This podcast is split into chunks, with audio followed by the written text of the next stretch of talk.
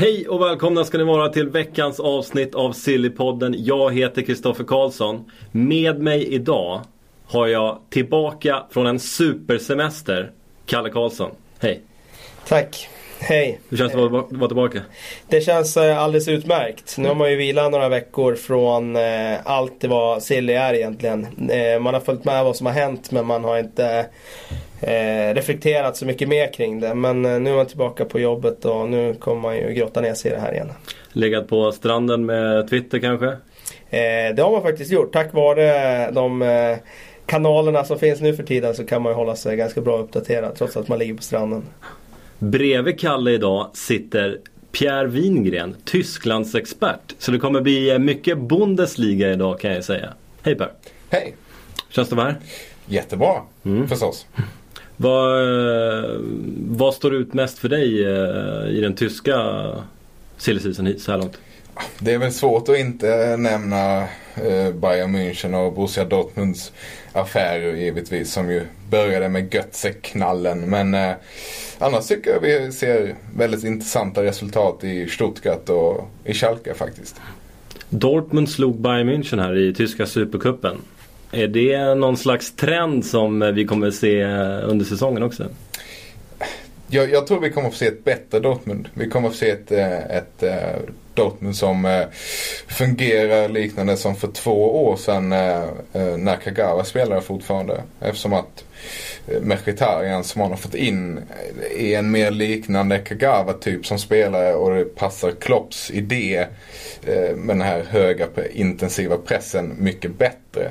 Eh, och man blir mer flexibla i sitt spel. Så jag tror vi kommer att se ett hungrigare och vassare Dortmund i ligaspelet. För Champions League var ju absolut inga problem den gångna säsongen. Eh, och Bayern München har ju ett superlag. Ett extremt bra lag men också en ny tränare som vill eh, göra saker och ting annorlunda. Så att det kommer bli en, en väldigt spännande säsong skulle jag, skulle jag vilja säga.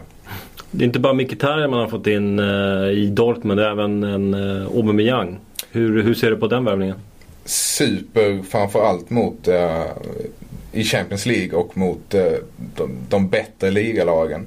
Så fort Dortmund kommer få lite yta att spela på så kommer Aubameyang vara ett supervapen för, för Dortmund med sin extrema snabbhet och man har ju jättefina passningsfötter i Gündogan och Sahin. Även Hummels kan leverera klockrena långbollar. Då kommer Aubameyang och då Blasjukovski på högerkanten vara redo att springa sönder motståndarna tillsammans med Royce. Eh, däremot tror jag att man kommer få det lite tuffare mot eh, eh, vad ska man säga, mitten och bottenlagen som vill stänga till ytorna istället för Aubameyang och Royce är absolut inte några spelare som trivs på små ytor. Ehm, så att det kommer bli spännande att se hur man löser de problemen. Men eh, vi kommer att få se ett, ett, ett mer fartfyllt Dortmund som eh, pressar ännu intensivare. Kalle, vad tror du om Dortmunds chanser i år? Det var ju rekordstor differens mellan ettan och tvåan i Bundesliga i fjol och jag tror inte att den blir lika stor det här året. Sen om de räcker till hela vägen, det vet jag inte. Men jag tycker de har klarat sig bra den här silly med tanke på vad de gick in med tidigt i våras. Att Götze skulle försvinna och det fanns ju faktiskt hot om att fler skulle följa med ut efter honom då med Gündogan, Hummels och Lewandowski som var kanske de spelarna som intresserade flera storklubbar. Eh, nu har man lyckats behålla de spelarna och man har även förstärkt dem med framförallt då med Aubameyang och eh, med Mkhitaryan. Och sen är det ju det, är ju det som är så intressant att Borussia Dortmund och Bayern München var ju i princip lika bra på maxnivå förra säsongen. Vilket vi ju även såg i, i finalen av Champions League. Utan Dortmunds stora problem det var ju poängtappen mot eh, mitten och, och bottenlag och även i derbyt mot Schalke åkte de på två nitlotter det var ju där de där 25 poängen uppstod. Det var ju inte tal om högsta nivån utan det var ju att Dortmunds bredd och eh, eh, kvalitet och hunger mot, eh, mot de lite mindre namnkunniga motstånden. Det gick inte lika bra där. Det kändes ju som just att fokus hade flyttats från Bundesliga till Champions League. Och när man då åkte till Freiburg en, en uh, snöig söndag efter att ha spelat mot Real Madrid i Champions League så var man inte lika hungrig. Just också på grund av att det inte fanns något material att rotera med. Uh, och det, jag, jag tror det är där vi ser Dortmunds skillnad. Att nu är de ju verkligen sugna igen efter Bayern Münchens överlägsna säsong. Du var inne tidigare på att Bayern har ett superlag. Ja. Är det någon som kommer lämna överhuvudtaget? För mittfältet är ju väldigt... Eh, Överbefolkat. Ja, man säger. Det är ju... Det, det, det snackas egentligen om tre spelare som kan vara på väg ut. Eh, och det är ju Luis Gustavo som personen så tycker jag det är halvmärkligt eftersom att det är en väldigt, väldigt nyttig eh, mittfältare som verkligen krigar och det kan man ju inte ha för många av. Men han vill ju såklart ha speltid. Han har ju en landslagsplats att tänka på. Och där blir ju så för en försäljning aktuellt. Vi har ju Wolfsburg som har anmält sitt intresse. Eh, Gustavo själv säger att jag vill stanna i Bayern men man vet aldrig vad som händer innan den 31 augusti. Och annars är det ju Emre Can och eh, Diego Contento. Eh, liksom talangerna, alltså ytterback och central mittfältare som ju inte har en... De är inte ens nära en startplats ändå. Och de kan ju antagligen lånas ut till Augsburg eller Bremen eller något annat Bundesliga-lag för att få speltid. Men jag, jag tror att Pep och, och Bayern de kommer gå in i den här säsongen med ett över, överbefolkat stjärnfyllt mittfält. Vi vet ju hur det är med Pep också. Han kan ju aldrig ha för många mittfältare. Han är, han, han är ju liksom manisk när det gäller sina mittfältare. Och de som inte är mittfältare de omskolar han ju till mittfältare som en lamm nu. Och och på topp då, där har man Mario Mandzukic som har gjort sig av med Mario Gomez. Eh, just att det är Pep, är det någonting som talar för att det, det kanske inte kommer värvas någon mer anfallare nu? Ja det tror jag. För att eh, jag ser ju i spåkulan att han i framtiden, jag vet inte hur långt fram det är, men att han kommer att hitta något system med en falsk nia. Det vill säga att han kommer testa Mario Götze eller Thomas Müller i en sån roll. Eh, så att eh, då kommer han ju klara sig med att ha Mandzukic och Pizarro och ja, kanske någon forward till då. Eh, så att han, det behövs nog inte lika många anfallare med Pep som tränare. Dortmund då, behöver de ha förstärka på någon position till? Hade jag varit sportchef i Dortmund så hade jag gjort det. Uh, framförallt så har de ju en anfallsposition som är alldeles för svag internationella mått mätt eftersom att Lewandowski håller världsklass. Men för det första så vet de att han försvinner med en säsong. Eh, och då är det aldrig fel att skola in någon eh, den här säsongen eftersom att det tar tid för alla nyförvärv att hitta in i Klopps spel. Och sen Julian Schieber som, som finns bakom Lewandowski är ju en fantastisk kämpe, en härlig typ av karaktär. Men han är ganska värdelös faktiskt. I alla fall liksom på den här nivån som Dortmund befinner sig på. Så en anfallare eh, tycker jag absolut hade behövts just om Lewandowski skulle gå sönder och vara borta ett par månader så ser det riktigt tunt ut. Och detsamma gäller ju ytterbacksplatserna. Det är också, man har egentligen bara en ytterback nu när säsongen börjar eftersom att Lukas Piszek är skadad. Kommer vara borta fram till vintern. Eh, och då har man bara Marcel Schmelzer. Sen Vem spelar de på högerbacken då? Det kommer bli Kevin Gårdskojt som ju egentligen är mittfältare men som skolas om nu då till eh, högerback. Eh, och så har man ju värvat Sokratis som ju egentligen är mittback men som kan spela eh, till höger i backlinjen också. Annars är det ungdomarna man får förlita sig på ifrån reservlaget. Så det, det, det är tunt men det är så, man, man kommer inte värva någonting där utan det som eventuellt händer är att man plockar in en, eller det verkar väl egentligen ganska säkert. Man har pratat länge om att vi ska ha en perspektivspelare till eh, det offensiva mittfältet. Då pratar vi ju någon relativt okänd eh, talang som ingen annan har på radarn. Som, eh, som kommer dyka upp antagligen innan fönstret stänger. Men det är färdigvärvat när det gäller de stora investeringarna. En tysk värvning som, har, eh, som stack ut för mig när den gick igenom det var Felipe Santana från Dortmund till Schalke för en miljon euro. Va, kan du förklara lite grann Pierre vad det är som ligger bakom en sån affär? Ja, det är ju ett jättefint för Schalke. Framförallt om Santana spelar bättre än eh, många matcher förra säsongen. Han hade ju helt plötsligt några svackor och stod för några misstag. Innan dess var han ju ligans klart bästa eh, backup eh, på mittbackspositionen. Men det var ju egentligen det var en eh, sån här gentleman's agreement helt enkelt. Eh, eh, Santana var sugen på att lämna redan förra sommaren. Han ville ha mer speltid. Eh, men Dortmund var ju väldigt förtjusta i honom och han var förtjust i klubben. Till sist kom man överens om att vi förlänger kontraktet med ett år. Vill du lämna nästa sommar så får du lämna för en spottstyver. Sen blev det ju extra kryddat såklart med att just Schalke, den stora rorivalen som valde att eh, utnyttja den här eh, löjliga prislappen. Och då att Santana valde att skriva på. Eh, men samtidigt, alltså, det, om det är någon som är hatad i Dortmund så är det Mario Götze. Santana, de flesta unnar honom övergången till Schalke på grund av att han eh, alltid har varit ganska öppen med, med hur det ligger till. Och eh, han var trots allt ingen nyckelspelare i truppen eftersom att han aldrig fick någon startplats. Men Schalke har gjort ett superfynd om de nu ger honom en, en startplats så att han kan hitta, hitta formen. Det blir inget tufft mottagande när han kommer tillbaka till Westfalenstadion alltså? Han, han kommer få uh, mestadels applåder. Sen kommer det givetvis finnas några ultras och uh, sådär. För att givetvis Schalke är ju långt, det är ju en väldigt, väldigt impopulär klubb i Dortmund. Uh, men just Santana kommer nog ändå uh, få mestadels applåder. Schalke rent allmänt då, vad tycker du om deras uh, sommar? Så här långt. Tycker de har värvat jättebra. det ser väldigt spännande ut de har inte så mycket pengar att röra sig med eh, och därför har man fått göra det bästa av situationen och istället eh, scouta yngre talanger som man verkligen tror på att de kan få ett, ett genombrott och då har man ju plockat in Leon Goretzka från Bochum som är en av de absolut största talangerna i Tyskland. Eh, Christian Clemens från Köln som är U21 landslagsman. Och sen som sagt Adam Zalai från Mainz som visserligen kostade 8 miljoner euro ungefär då. Men eh, han var ju Mainz klart bästa spelare.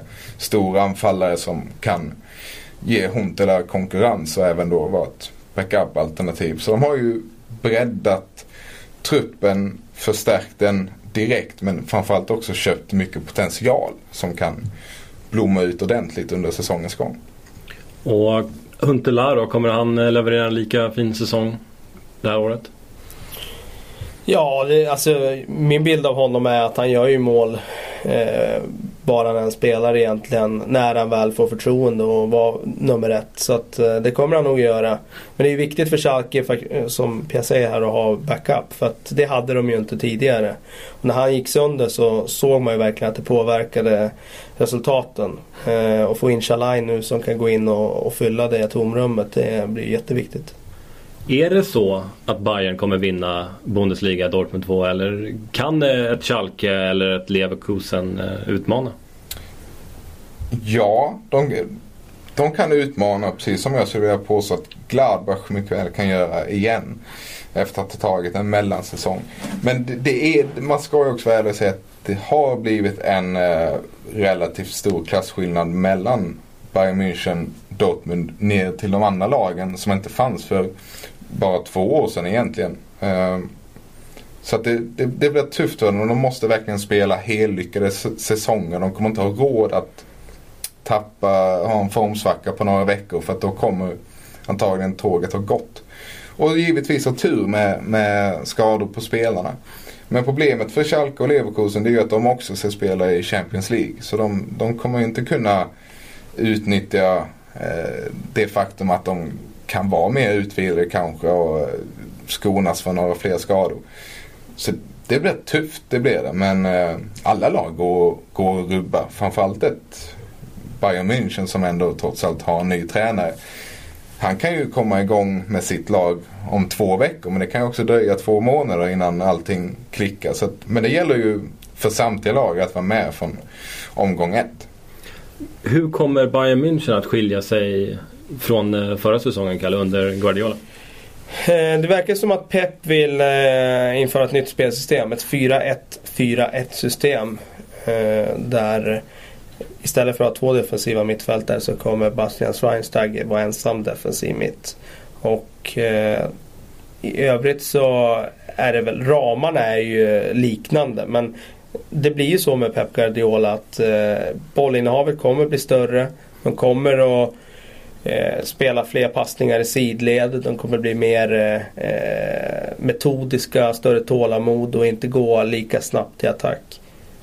Och en Barcelona-värvad Thiago Alcantara verkar som att han kommer spela en stor roll i Peps Bayern? Ja, jag och Pierre är lite oense här. Men alltså, jag tror att han får börja i alla fall som rotationsspelare. Men det är ju också på grund av den enorma konkurrensen de har där. Eh, med tanke på, det finns ju ändå en sån som Kroos i bakgrunden som knappt spelade i slutet av våren där. Som också ska in någonstans i det där pusslet. Eh, men tids nog så kommer han ju såklart att spela en stor roll i, i Bayern, det tror jag. Om vi går tillbaka till Bayer Leverkusen då. Man har tappat Carvajal, man har tappat Schürrle. Hur, hur, tycker, hur tycker ni att man har fyllt de luckorna? Jag ska svara på den frågan snart. Jag tänkte bara lägga till, det är intressant med mm. Pep som vi pratar om att han vill spela mer med bollinnehav, vara tålmodigare, stå längre upp i plan och, och passa och passa och passa. För någonting tyska lag har blivit extremt bra på så är det ju ett aggressivt och snabbt kontringsspel. Och då pratar vi även bottenlagen. Eh, I alla fall känner jag i en annan utsträckning än La Liga-lagen eh, i många fall. Och det blir kul att se hur det funkar för Pep eh, i en hel säsong mot eh, även de så att säga lite sämre lagen. Om de bara kan, orkar försvara sig och sen sticka iväg på sina kontringar så blir det intressant. Men Leverkusen som sagt, de de åkte ju på en nitlott med Cavachal absolut eftersom att det fanns en återköpsklausul och Real tog, tog givetvis tillbaka honom. Han gjorde ju en strålande säsong var en av ligans bästa ytterbackar. Eh, sen däremot eh, Kyrle som de, som de säljer till Chelsea det är ju en, eh, en vinst för Leverkusen. Det var en spelare som har otroliga toppar och givetvis alltid är nyttig att ha men i Leverkusen blev han aldrig den nyckelspelaren som, som man hade hoppats på. Eh, och nu fick man ju ordentligt med pengar för honom. Har kunnat spetsa till laget i bredden med lite intressanta talanger och sen då plockat in Son från Hamburg som ju fortfarande definitivt är en talang som man egentligen bara väntar på ska få sitt absoluta genombrott. Han är trots allt bara 21 år. Eh, och har spelat i Bundesliga känns det som i 10. Det har han ju givetvis inte men otroligt länge. Eh, så att för Leverkusens del så vill jag påstå att den här sommaren, bortsett från Cavachal då, har varit riktigt bra. Eh, och de ser dessutom antagligen plocka in en och två spelare till. Då pratar vi någon eh, försvarare, gärna flexibel, som kan spela eh, både mittback och och på kanterna. Och sen som sagt någon offensiv mittfältare. För att man har ju ett väldigt bra centralt mittfält. Många bollvinnare i Bender och Reinhardt och Rolfes. Men man saknar ju kanske den här sista pusselbiten på det offensiva mittfältet. Så där kommer säkert hända någonting. Angående Schürrle där och så flaggar du lite grann för att Chelsea-fansen kan bli besvikna alltså? Det tror jag absolut. Om man har förväntat sig en, en spelare som ska vara nyttig en hel säsong. Eh, och inte bara en, en vass joker. Så då tror jag att man blir besvikna och då vill jag framförallt sätta det i relation till vad han kostar givetvis. Det är fortfarande en väldigt bra spelare men han är absolut inte värd de pengarna. Kalle, vad tror du att Schürrle kan få för roll i Chelsea? Jag tror att han kommer bli en eh, så kallad eh, joker i Chelsea. Han kommer att hoppa in för att förändra matchbilder. Han kommer att spela i vissa specifika matcher. Eh, och så tror jag han kan vara väldigt nyttig. Just för att han har ju den där speeden och är irrationell och kan skapa saker på egen hand. Så att på det sättet så tror jag att han kan fylla en funktion där. Men som jag säger just att det är, tror det är svårare för han att vara den här spelaren som ska bära ett lag på egen hand genom en säsong. För han är ju väldigt mycket upp och ner. Jag sätter dock ett frågetecken för Leverkusen just med att man byter ändå ut båda ytterbackarna man tappar eh, Kyrle. Alltså det, det, kommer vara en viss omsättning i den här truppen. Ja. Hyppie ska stå på egna ben och leda laget nu. Eh, det är en del förändringar inför den här säsongen. Så att jag sätter frågetecken kring om de kommer att eh, kunna vara med och fightas hela vägen upp. Ja, det, det, så, så kan jag hålla med dig. Däremot om man tittar specifikt på vad som hänt i sommar så tycker jag att de har gjort det bra och dessutom blivit bättre. Men mycket antagligen på sikt. Även om det kan klicka direkt givetvis. Men eh, jag tror också att de har en, en inkörningsperiod här. Och det är många unga spelare framförallt och det är det som är så spännande. Börjar de säsongen väldigt bra och, och de här talangerna liksom får självförtroende och blommar ut. Då kan det ju bära hur långt som helst. Eh, men, men jag tror framförallt att det är ju ett fint bygge inför framtiden de verkligen har satt igång med nu istället för att förhasta sig och göra som många andra lag som helt plötsligt har pengar att man köper halvstjärnor som man inte ens har tänkt på huruvida de passar in i laget eller inte. Så att ser man på den här sommaren så tycker jag att de som sagt har gjort det. De har vunnit så att säga. De har blivit av med en spelare som aldrig blev vad de hade tänkt sig. Fick in mycket pengar. Däremot ett jobbigt tapp med, med Carvajal givetvis. Men... Du nämnde en annan outsider där tidigare, Mönchengladbach. Vad, eh, Branimir Haragotas eh, Borussia Mönchengladbach. Vad, vad har de gjort eh, för bra i sommar? Oskar Wendt ja. också. Vad har de gjort för bra i sommar? De, de hade ju, de spelade en fantastisk säsong som jag tror att alla kanske minns för två år sedan när de eh, eh kom fyra och skulle få kvala in till Champions League. Eh, problemet med den, med den sången var ju att Marco Reus, Dante och Roman Neustetter lämnade laget. De fick in massor med pengar. Spenderade de, tyckte jag då, väl. I, i, alltså smarta investeringar. Unge Xhaka från Basel och, och um, de Jong från Twente som jag hade öst in mål där. Och även då Dominguez från Atletico var det väl. Så. Ingen av dem lyckades ju egentligen. Nej, det var det som var problemet. Ingen lyckades ju fylla skorna de skulle fylla så att säga. Uh, och därför blev det ju en ganska en besvikelse hela säsongen. För att det, spelet var trögt, det var för lite fart. Inte alls samma säkra defensiv. Men det var ju såklart, tappar man sin bästa mittback, bästa mittfältare, bästa målgörare. Så är det tungt. Nu har de fått nu är pressen borta från de här unga nyförvärven som kom förra sommaren. Man har spetsat till truppen med eh, Max Kruse som ju helt plötsligt har blivit ett alternativ för Joakim Löv som, anfall, som anfallare gjorde en jättebra säsong i Freiburg. Eh, Rafael som ju eh, bara var gästspelare i Schalke nu tillhörde ju Dynamo Kiev innan. Som ju kommer tillföra den här farten och kreativiteten som, som de saknade så otroligt mycket förra säsongen.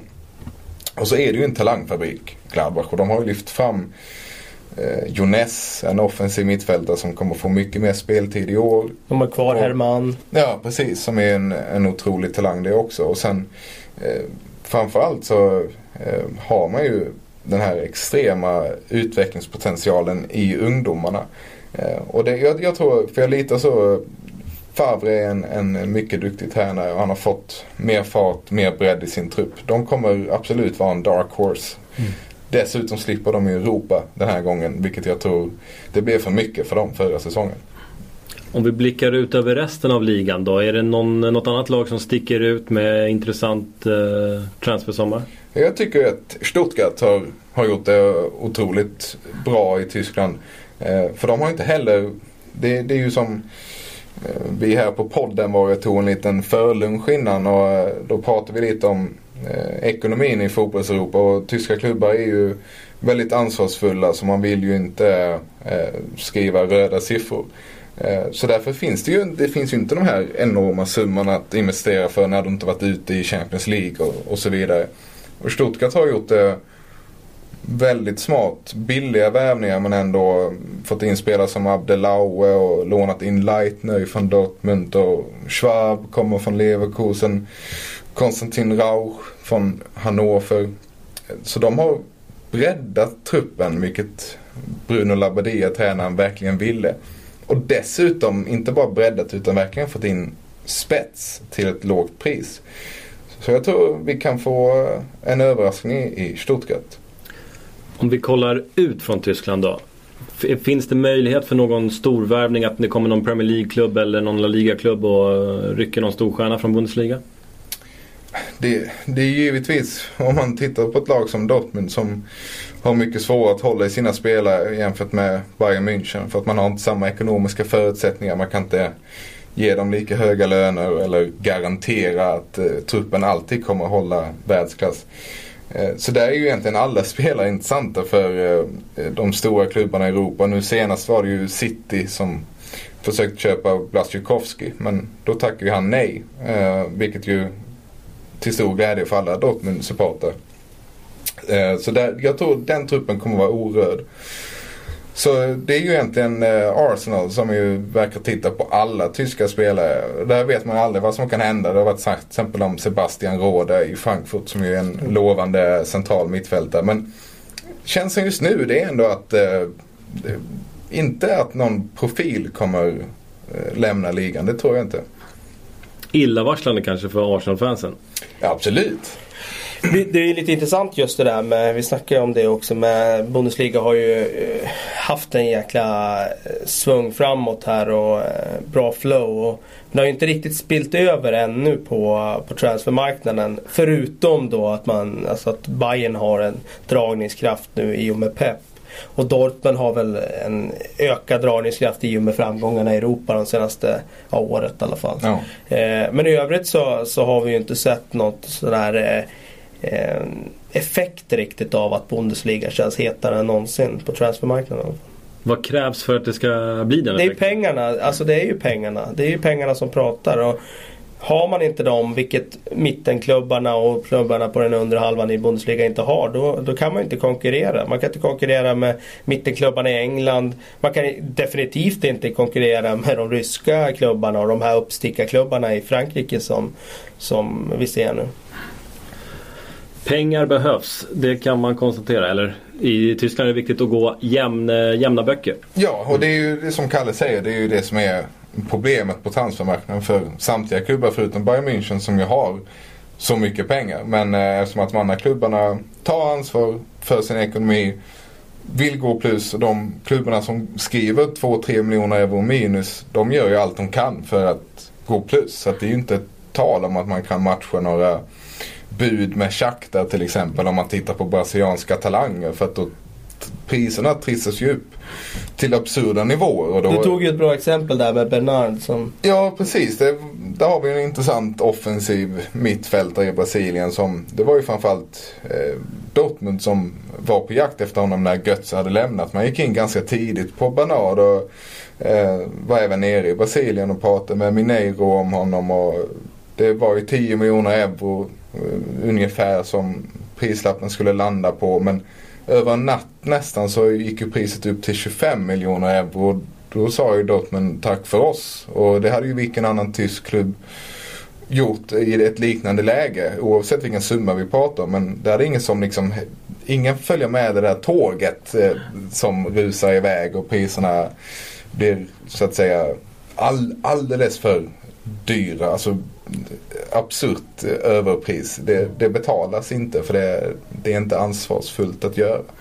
När det gäller just Bernard kan vi ju säga det att eh, Shakhtar har ju erbjudit sig att betala de här 25 miljoner euro men eh, spelaren själv verkar ju vilja gå till Porto. Eh, jag tänkte vi också skulle bara nämna Lewandowski lite fort. Det är väl ganska självklart vad som kommer att hända men eh, att han går till Bayern nästa sommar alltså. Är, är det så du ser det Pierre? Ja, det, det tycker jag. Det är en ännu mindre hemlighet nu än om det nu någonsin var en hemlighet så är den ju eh, minimal eftersom att eh, både Klopp och, och Watzke alltså i Dortmundledningen säger rakt ut nu att ja men alla vet väl egentligen eh, att Lewandowski bara vill till en klubb och det blir nästa sommar. Mm det jag tycker är intressant med hela den affären det är ju att Bayern München eh, jag är tveksam till Pep och huruvida han faktiskt har ett intresse av att få in Lewandowski.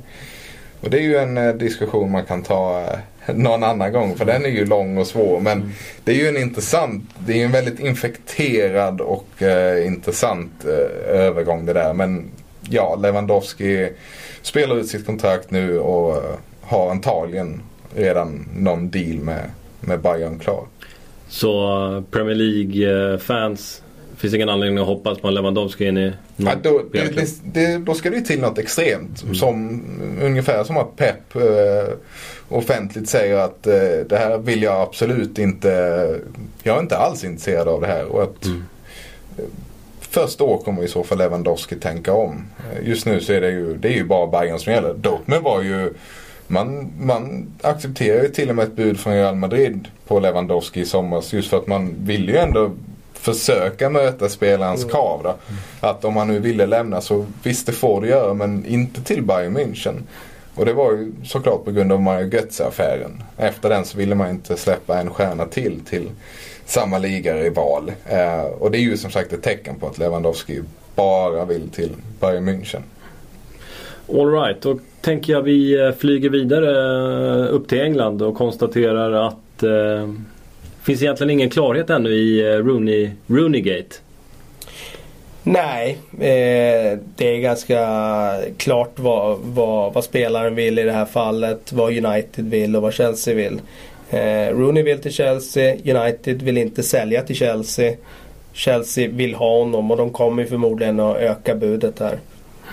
Och om Rooney lämnar eh, United, behöver man en ersättare? Eller kan man lita på en Welbeck eh, och Chicharito?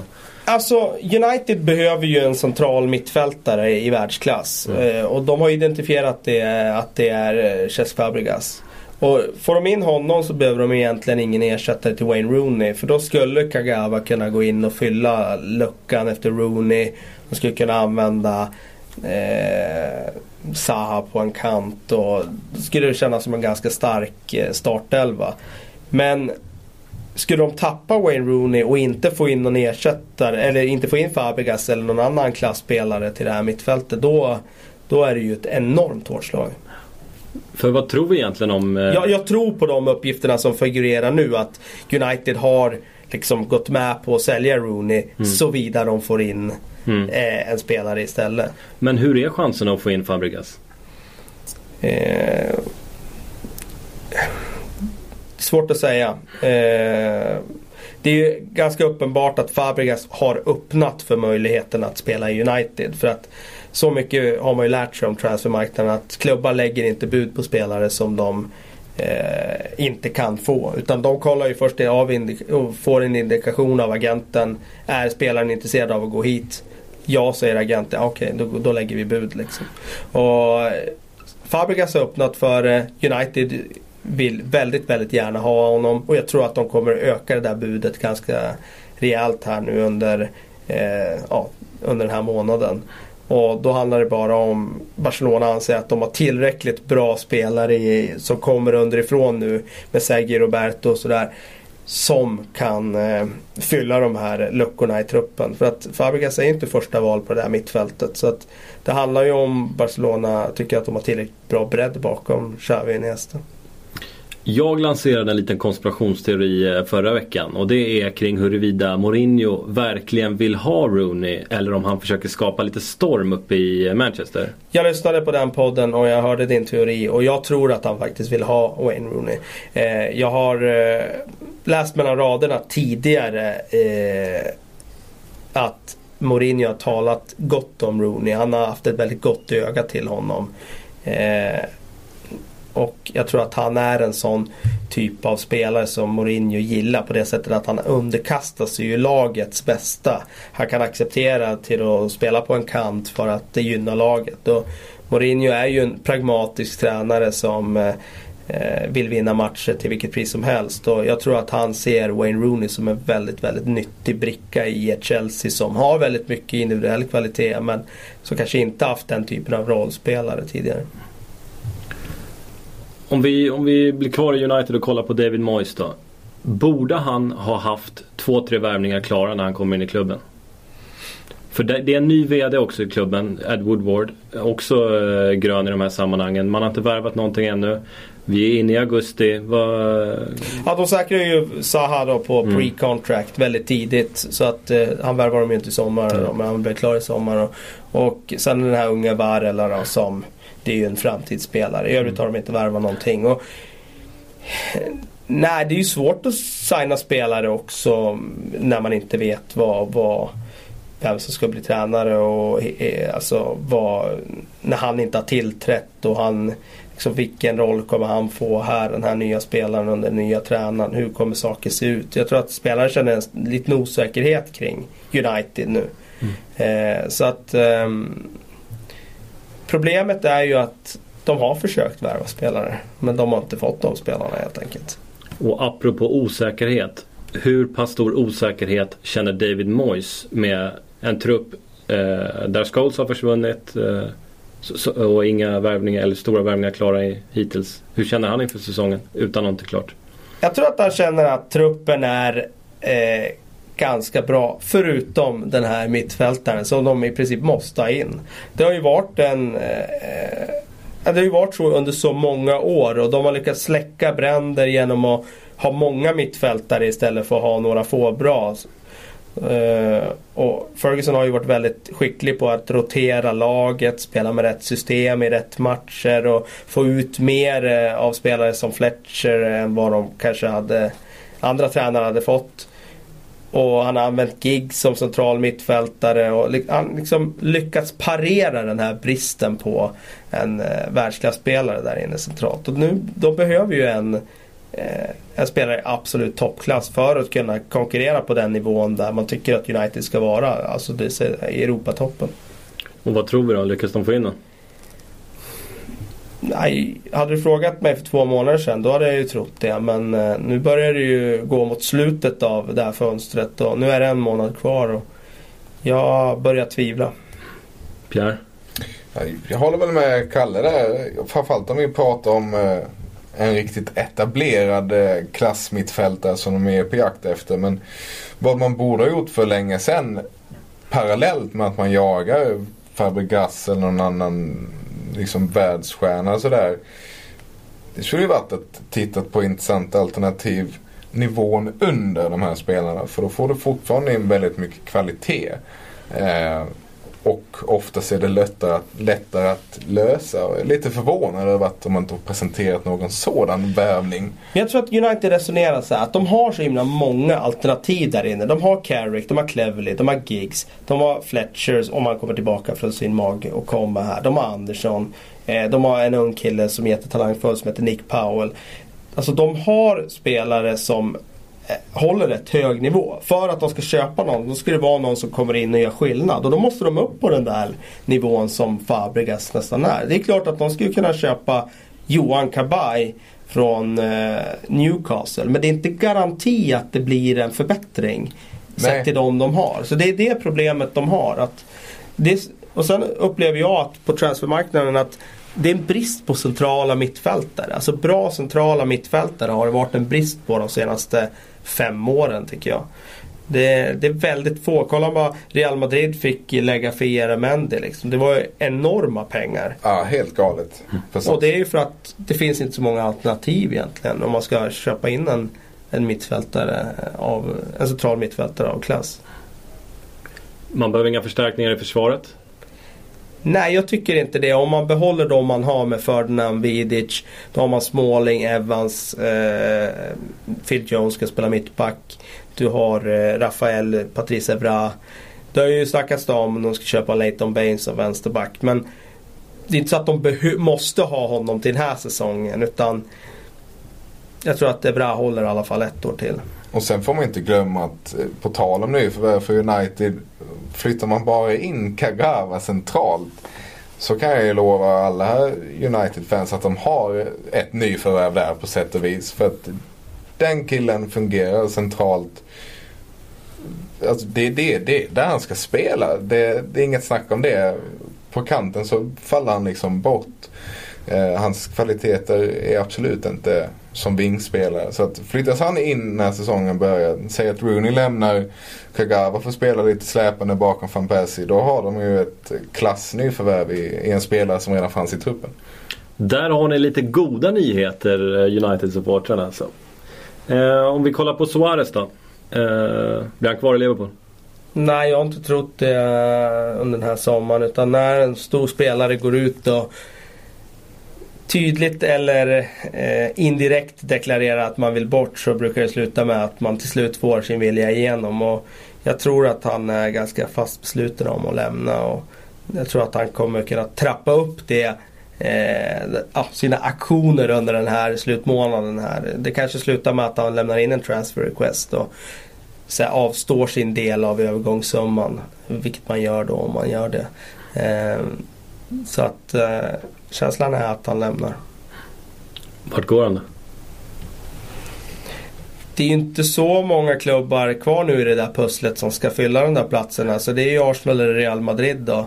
Och, men någonstans kan man ju se i, i spåkulan att eh, Bale flyttar till Real Madrid.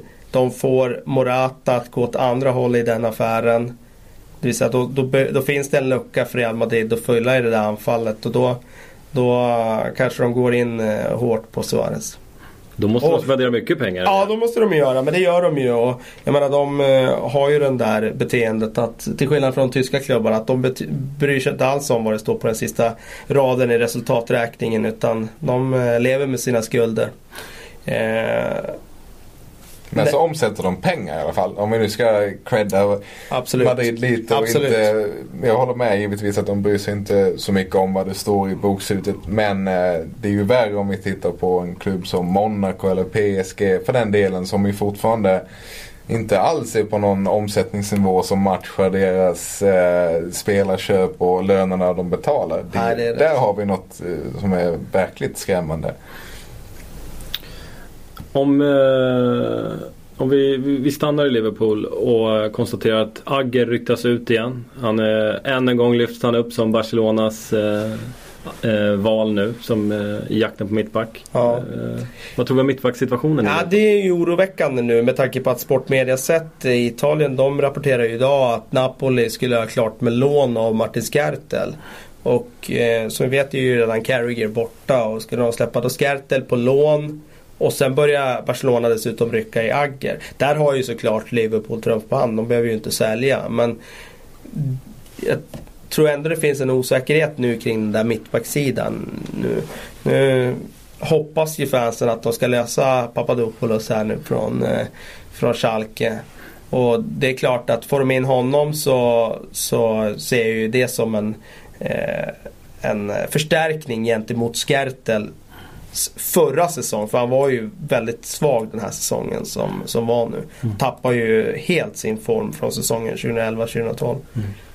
Kan jag höra lite grann med Pierre. Vad, Papadopoulos, är han någonting som Liverpool-fansen i så fall borde bli upphetsade över? Än? Absolut, av, av så många anledningar egentligen. För att han har den här härliga gamla Buster-spelstilen också. Han är ju liksom Han är ju gjord av sten och kasta sig in i varenda närkamp utan att bry sig om vad som kan göra ont. Både, dels på sig själv och dels på motståndarna. Men sen får man inte glömma heller att det är en väldigt duktig och smart mittback. Han är, har kommit långt för sin ålder och gjort flera bra landskamper. Spelat många bra matcher i Schalke. Det enda frågetecknet är ju hur det är med honom efter ett års skadeuppehåll. Men eh, som sagt, jag, jag, eh, som, hade jag varit Liverpool-supporter så hade jag blivit väldigt nöjd om man kunde löst honom. Eh, så länge summan inte blir snuskig upp mot 30 miljoner euro. Men det kommer den inte bli. Eh, det funkar inte riktigt så när man köper från Bundesliga av någon anledning. Det är som en liten supermarket. De skulle behöva en Daniel Levy. Ja, hyra precis. in honom till att förhandla. Ja, men det hade varit ett jättebra köp för Liverpool, absolut. Jag vet inte om ni har läst eh, Reinas öppna brev till Liverpool-fansen. Han ger klubben en liten känga där ändå. Hur, hur, ser man på det? Nej, jag tyckte det var lite, kanske lite onödigt. Han kunde ha behållit det för sig själv nu Reina. Han hade bara kunnat gjort den här flytten nu och så. Men det är ju så att alla klubbar och alla spelare vill ju alltid positionera sig gentemot fansen. Och som sagt komma undan med heden i behåll någonstans. Och vi vet ju inte riktigt eh, alla turer i det här men vad jag förstår och läser på ett ställe i alla fall då så hade ju Liverpool försökt sälja Reina innan han började eh, snacka om Barcelona. Så att om det var så att de försökte göra sig av med honom innan han började prata om Barcelona då var det inte så konstigt att han började eh, flörta med Barcelona. Eh, och I så fall så ja, då får man väl köpa om att han gör det. Eh, om vi, vi går till London då, Arsenal. Eh, Bernard ryktades in ett tag. Eh, ser ut att hamna i Shakhtar nu istället. Och då hamnar vi, precis som i fallet David Moyes, tillbaka på Wenger. Vad är det som händer egentligen? Kommer det värvas? Nej, det händer ju alldeles för lite. Det är vad som händer. Mm. Eh, nu börjar ju fansen verkligen på allvar bli oroliga. Eh, det här var ju sommar när det skulle hända. Och det har ju tyvärr nu blivit så att eh, alternativen är ju så få nu på marknaden. Det var ju Igain de skulle sätta. Men nu försvann han nu då till Napoli. Och man har, det är inte så många kvar. De försöker med Suarez. Jag tror ju att, att de kommer gå där också. För att jag tror inte att Liverpool överhuvudtaget vill sälja till Arsenal. Det kan vara så att Arsenal lägger, lägger upp de där pengarna till slut. Som ja, Liverpool kan tänka sig att ta. Men de kommer inte ta dem av Arsenal. För att det skulle innebära att de säljer till en direkt konkurrent om fjärdeplatsen. Och då har de ju sålt bort sina chanser egentligen. Och, ta den eh, Champions League-biljetten. Så att eh, Går de bet där också, vi, alltså det är inte så många alternativ kvar då på att sätta och det är ju uppenbart att de i alla fall inser att de behöver en striker in. Men Wenger har väl, eh, det känns som att han har skulle storhandla ett par år nu i alla fall utan att det har blivit något. Men ja, visst i år så skulle det ju bli på riktigt. Men jag tycker det är så kul. Ja, vi var ju lite snabbt inne på det nu att Arsenal vill ha alla, alla tyska spelare. Och Eh, det har jag också försökt med. Det finns ju konkreta uppgifter på eh, alltså Frankfurt-spelare som han har velat ha. Han har varit tittat i Dortmund. Han har kunnat tänka sig någon bänkspelare i München och så vidare. Men det är ju, man märker ju vad som har hänt med Arsenal på väldigt få år. Eh, alltså deras ställning i, i fotbollsvärlden. För det har ju till och med blivit ett som ett litet internt skämt bland många spelare i tyska klubbar. Att ja, nu, nu ska du också till Wenger för en struntsumma ungefär. Så det känns lite som att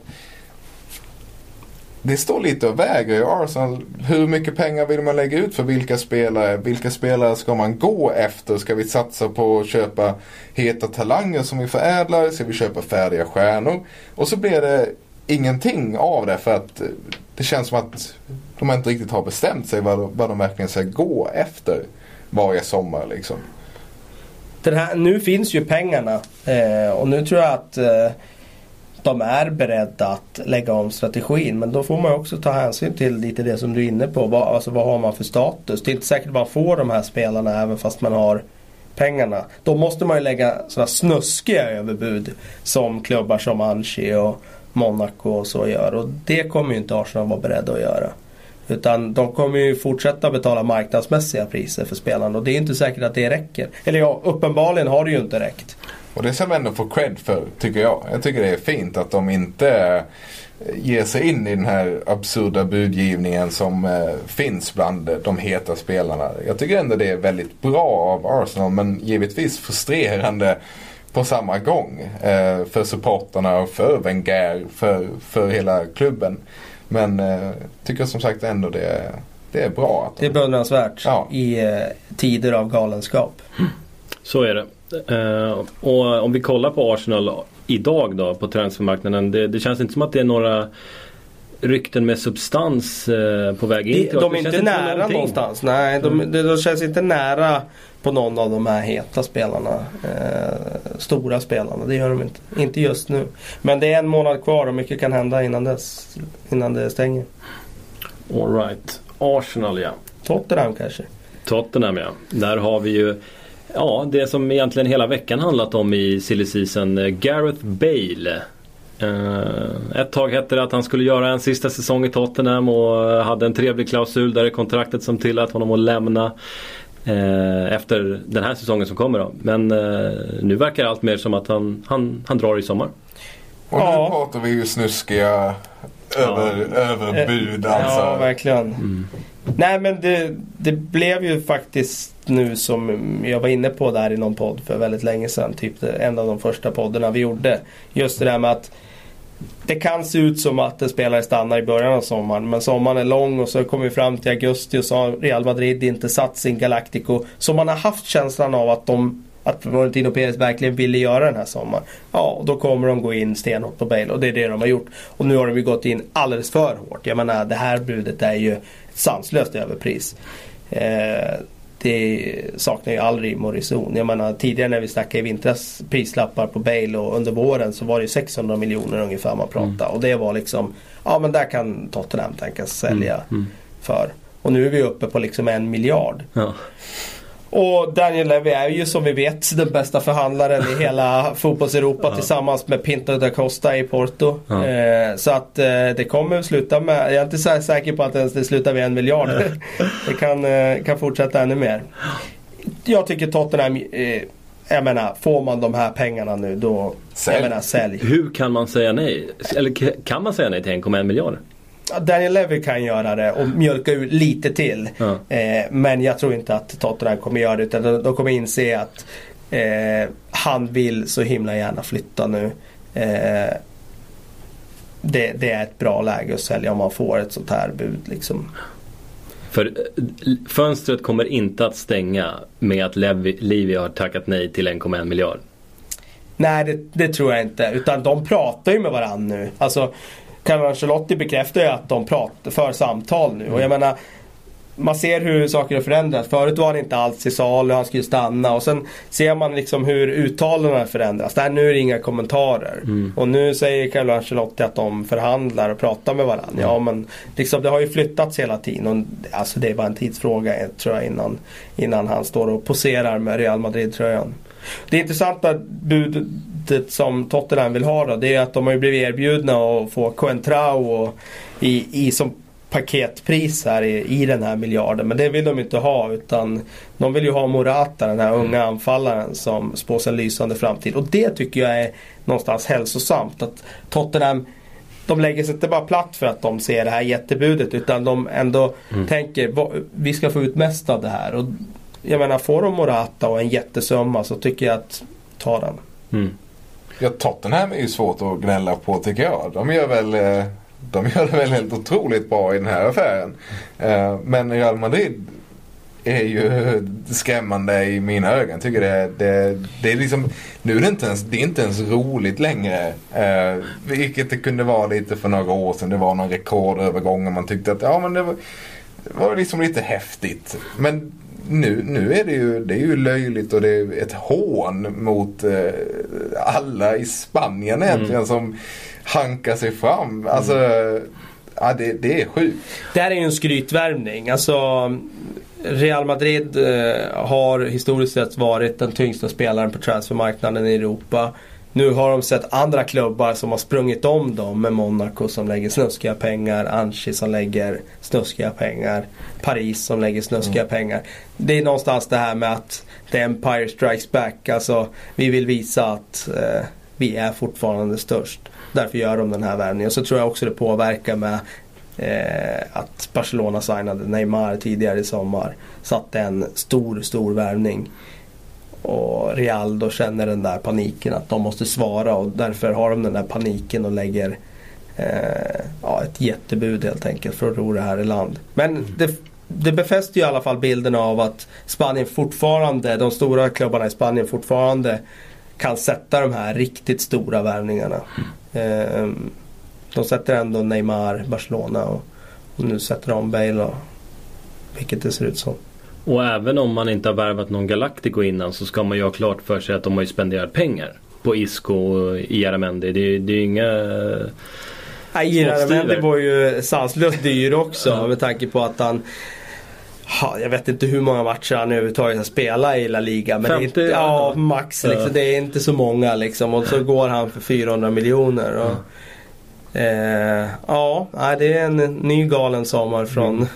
från de vita. Och så kanske de behöver en ny anfallare då om Morata försvinner. Kan ju vara så. Ja. Eh, och då, är, då ska det ut med ytterligare en halv miljard för Suarez då om det är han som ja. dyker upp.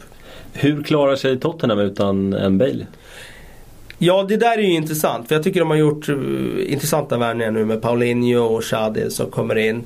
Eh, Soldado klar idag verkar det som. Han ska läkarundersökas men eh, det är bara en tidsfråga innan han eh, signad. Eh, jättebra värvningar. Men Bale är ju en spelare som han går ju inte att ersätta. Han har ju gjort skillnad. Han har ju varit skillnaden i så många matcher den här säsongen. Det är han som dyker upp i 89 minuten och så dribblar han förbi två spelare och sätter ett skott från 25 meter. Alltså det är ju det Real Madrid betalar. Den här spetsegenskapen som du får en, av kanske 3-4 spelare i världen. Så det är inte fler. Eh, och den kan ju inte Tottenham ersätta. De, kan, de får en enorm summa, de kan köpa några bra spelare men de kan inte köpa några spelare i base class. Så det är svårt att säga hur de kommer klara sig utan honom. Det kan ju också bli en, en positiv effekt. Alltså, positiv, det är klart att Bale kommer saknas. Det är, inte, det är inget snack om det och framförallt hans sätt att avgöra viktiga matcher på. Men just att man blir av med den här spelaren som alla har förlitat sig på ska lösa det och så att man kollektivt tar ett steg framåt tillsammans istället. Det kan alltid bli en väldigt intressant eh, utveckling för ett lag när, när man ställs vid den, vid den punkten. Liksom att eh, alla tar ett kliv tillsammans istället för att eh, förlita sig på en eh, superstjärna man har i truppen. Liksom. Och de får i alla fall in nu den här striken i Soldado som de har saknat. Adebayor blev ju inte lösningen. Nej. Han eh, var ju bara bra när han var, vaknade på rätt sida och det var ju inte så ofta. Mm. Eh, Defoe är ju för mycket upp och ner. Eh, men Soldado ser i alla fall som en plus 15 måls striker. Han mm. kommer göra minst 15 den här säsongen som kommer. Mm. Ja, Soldado klar idag. 15 eh, mål säger du? Ja, minst, jag tror han är minst 15. Han är så pass bra boxspelare så att eh, Eh, han blir ju ingen Fernando Morientes som kom till Liverpool och gjorde fiasko. Utan jag tror att kanske efter en liten inkörningsperiod. Men han kommer att göra sina mål i Tottenham. Kommer de plocka in en till anfallare? Det har hetat rätt länge att det ska vara två stycken. Ja, det beror på här om, eh, om Adebayor drar till Turkiet nu så kommer de i alla fall behöva en mm. till anfallare. Men det tror jag kommer bli en sån här eh, anfallare som accepterar att vara tredje val då. Mm. Och Apropå eh, miljarden för Bale. Kan det kanske ligga i Livis intresse nu då att få den här affären klar ganska snabbt så att han kan uh, investera de här, den här miljarden Det borde ju verkligen mm. göra det. För Tottenham har ju varit jättedåliga på det tidigare. De, de liksom, när vi har försökt kräma ur så mycket pengar som möjligt och de har varit på sista veckan av transferfönstret. Och då är alternativen så få och så får man dessutom betala mycket mer när man väl ska värva en ersättare. Så man tjänar väldigt lite på att vänta som Tottenham har gjort tidigare. Så att jag tror och hoppas att han eh, slår igen den här Bale-affären så fort som möjligt nu så att de kan ge sig ut och, och eh, få så bra chans som möjligt att handla ersättare. Det hade varit kul att veta vad de vill gå efter för spelartyp också. För att är det, en, är det en affär man kan lösa innan man säljer Bale så är det ju mycket, mycket bättre att göra den affären nu innan klubben i fråga vet att du sitter på eh, en miljard. Liksom. Ja. För då kommer du behöva betala 70% mer per spelare ungefär. Eh, så att finns det liksom, om man tittar på spelare som redan nu inte kostar astronomiska summor så borde man lösa en eller två av dem innan man sen gör Bale-affären klar så kan man spara Bale-pengarna till eh, vintern eller ja, framtiden gärna för en gångs skull också. Det är ju kul att tänka på. Vad intressant med eh, fotbollsjournalisten Simon Cooper. Han har ju skrivit en bok där om, eh, som heter Soccernomics där om eh, vetenskapligt har gått igenom eh, transfers och kollat vad det är man bör göra och vad man inte bör göra på transfermarknaden. Och han skrev ju här att eh, det Tottenham borde göra med de här pengarna det är att köpa 100 stycken spelare som kostar 850 000 pund.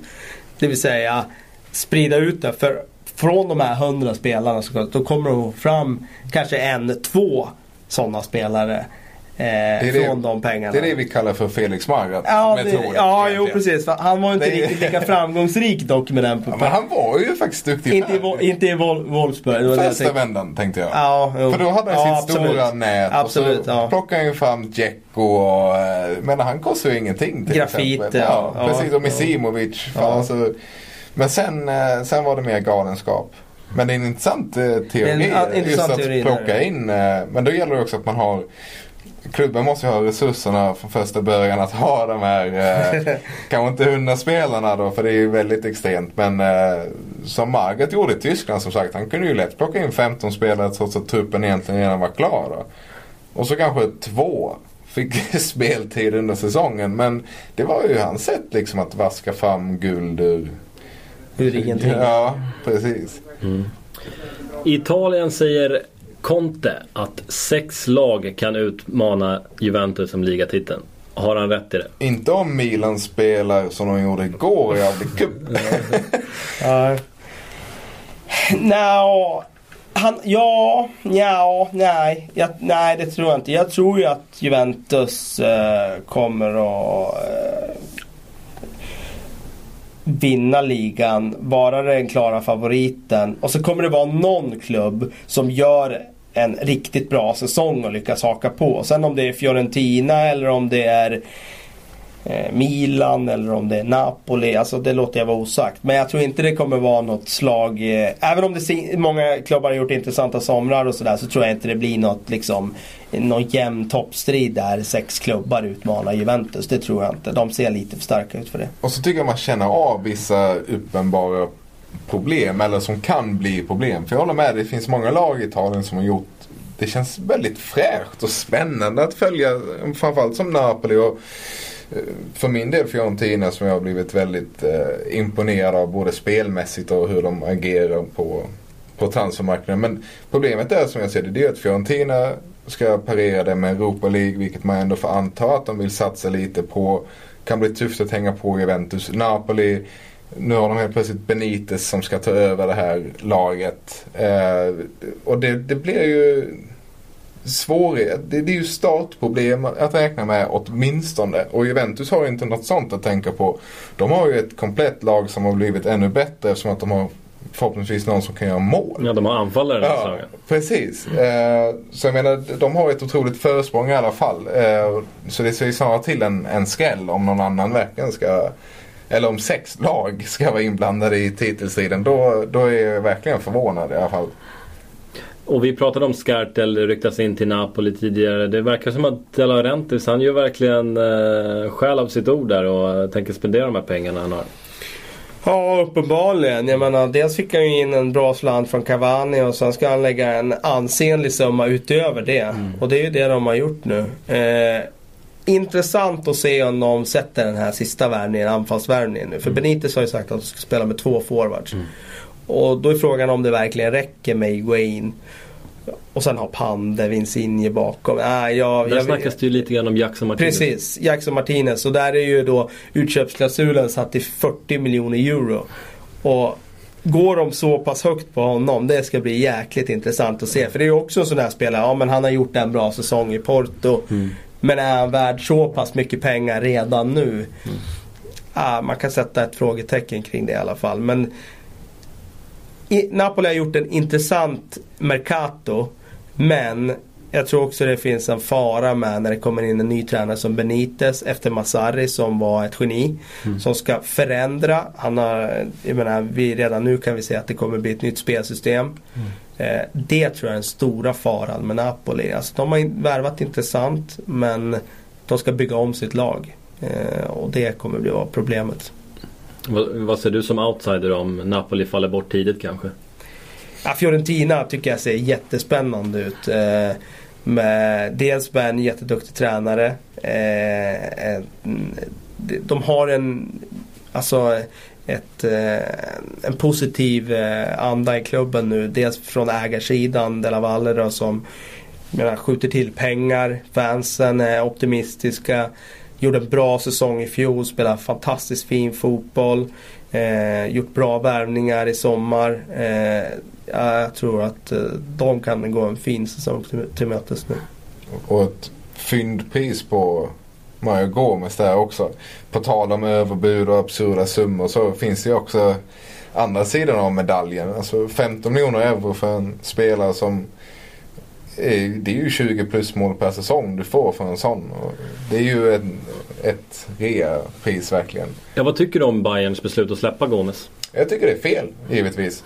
Samtidigt så förstår jag också att eh, det är ju Pep som inte är intresserad av den spelartypen och då är det ju rätt. Eh, mot spelaren, alltså mot alla helt enkelt. Mm. Det, det är väl skönt att de inte sitter och håller på Gomes bara för att de kan. För det är klart de hade haft råd, Bayern att behålla honom och ingen annan klubb ska få nytta av den här målskytten. Men jag tycker det är, det är ju fint av dem att släppa honom för en hygglig summa. Han får gå till klubben han vill till. Men, eh, men jag tycker att det är, det är dumt att situationen ens skulle behöva uppstå. Det är som en Eh, kille som garanterar 20 plus mål. Han var ju även den senaste säsongen, han inledde ju skadad, tappade sin plats i Mandzukic som sen gjorde det mycket bra och är en mer spelande anfallare. Men ändå så, när vi summerar säsongen så är det fortfarande Gomes som gör flest mål per spelad minut. Eh, och det säger ju allt om honom egentligen. Det är ju en, en målmaskin som du vet, du vet att du får gott om mål. Jag har sagt att han gör 25 mål den här säsongen. Vad tror ni om det?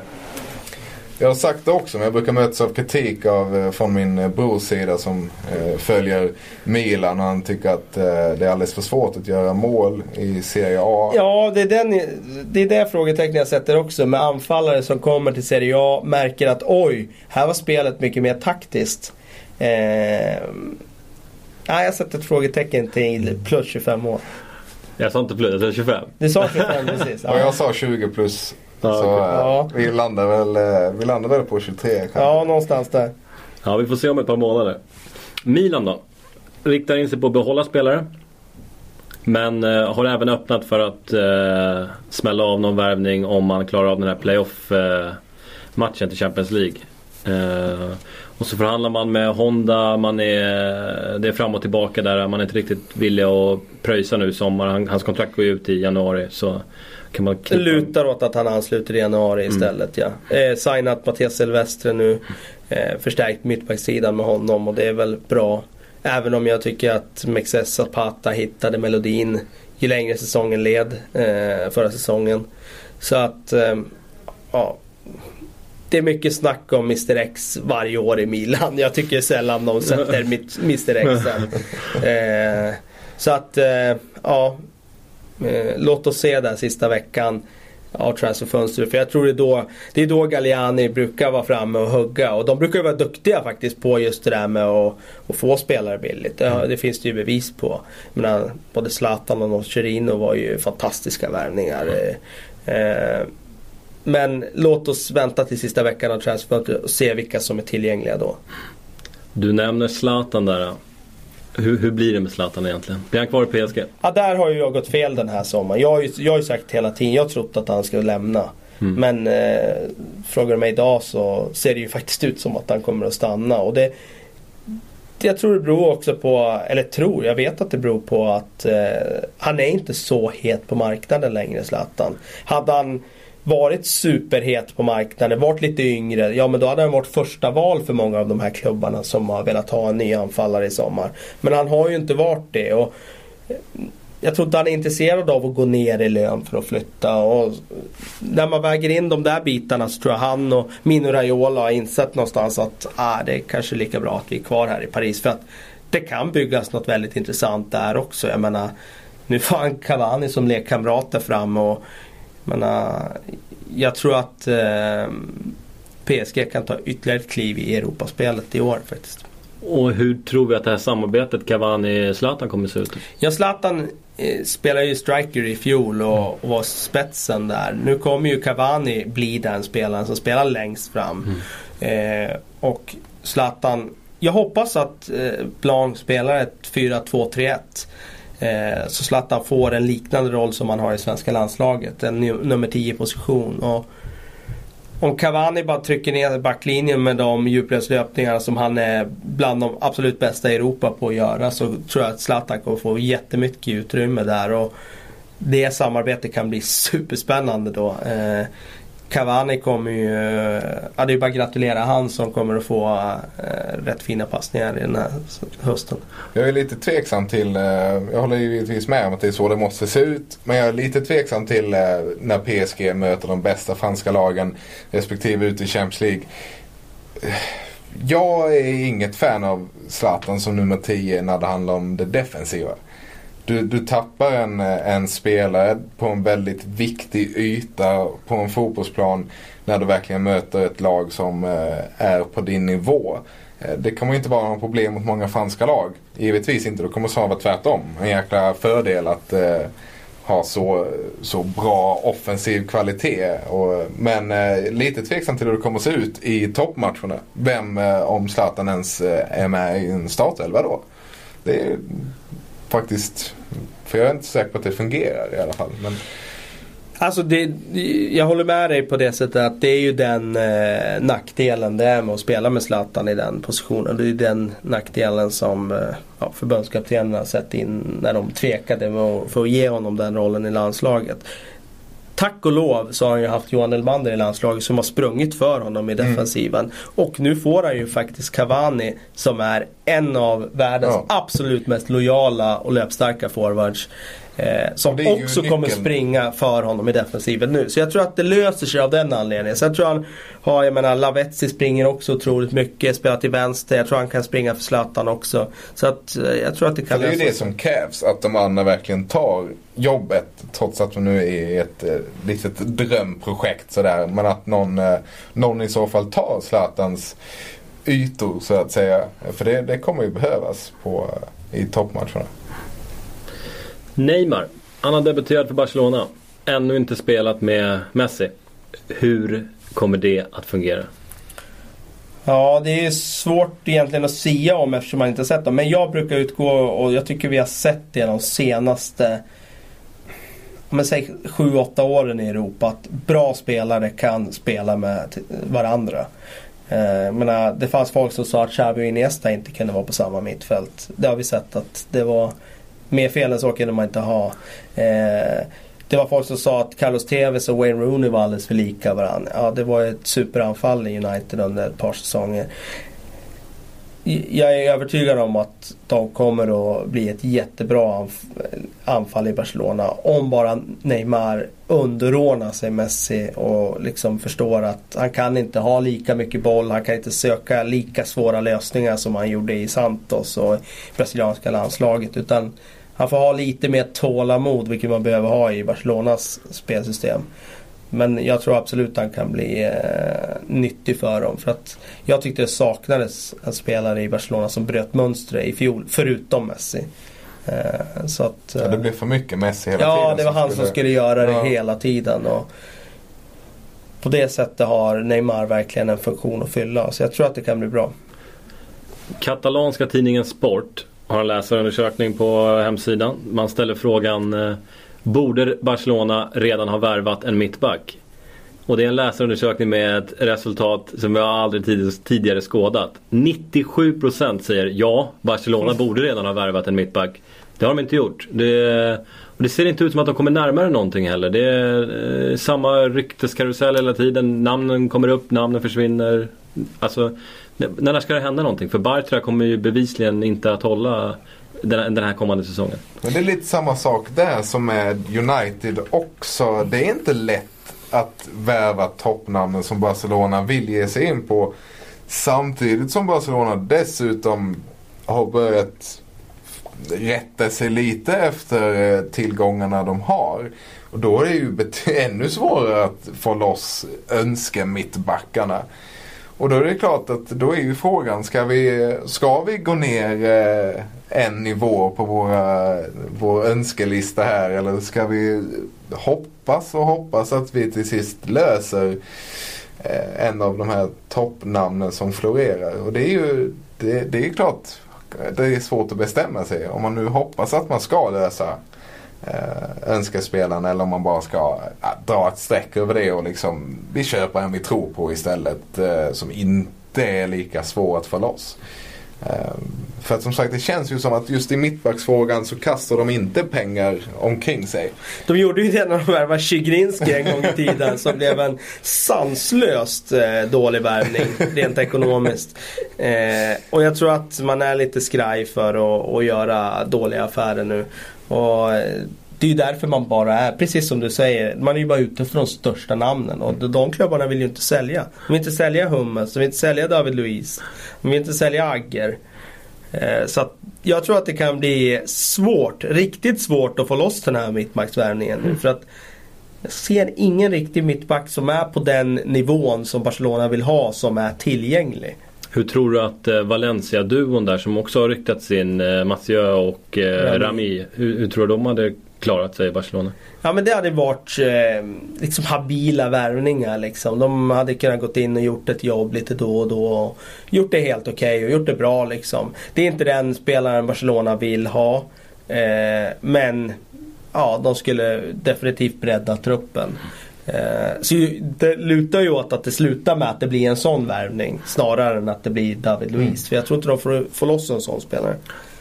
Mittbacksidan i Real Madrid eh, ser jag lite grann att eh, Pepe på väg bort.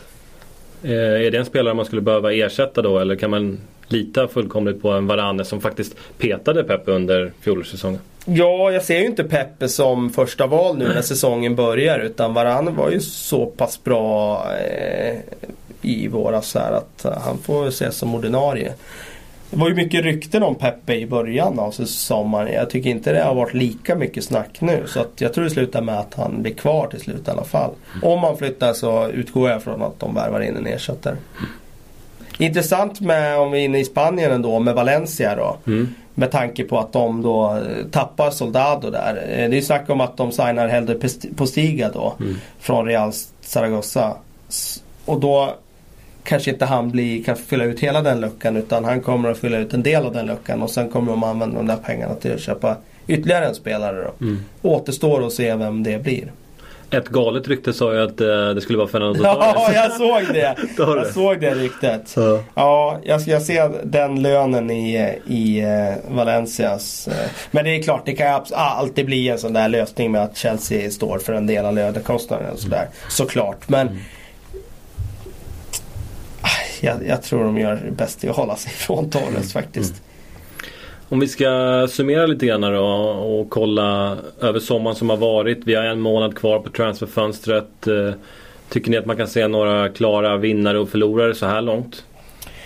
Vi har varit inne och snuddat vid vinnarna tycker jag. Jag tycker att man kan se dem i Tyskland bland annat med Bayern Som någonstans nu styr sitt öde över transfer. Det är de som bestämmer på ett sätt som eh, få klubbar kan göra. Jag menar, de, tar vad de, de roffar åt sig vad de vill ha och sen nu sitter de och bara tänker... Och behåller de ja, spelarna behåller som de, de vill vill ha ha. kvar. Och sen skeppar de iväg dem de inte vill ha. Sen ser jag även Dortmund som vinnare med tanke på att de gick in i den här sommaren med att Götze skulle lämna och det fanns risk för att andra skulle göra det. De har parerat det väldigt bra genom att få in de här spelarna som Aubame- Aubameyang och, och eh, Mkhitaryan. Mkhitaryan framförallt. Mm. Eh, Och det är ju samma där. Det är ju snyggt gjort av dem också med tanke på hur många klubbar som har svårt att lösa sina spelare.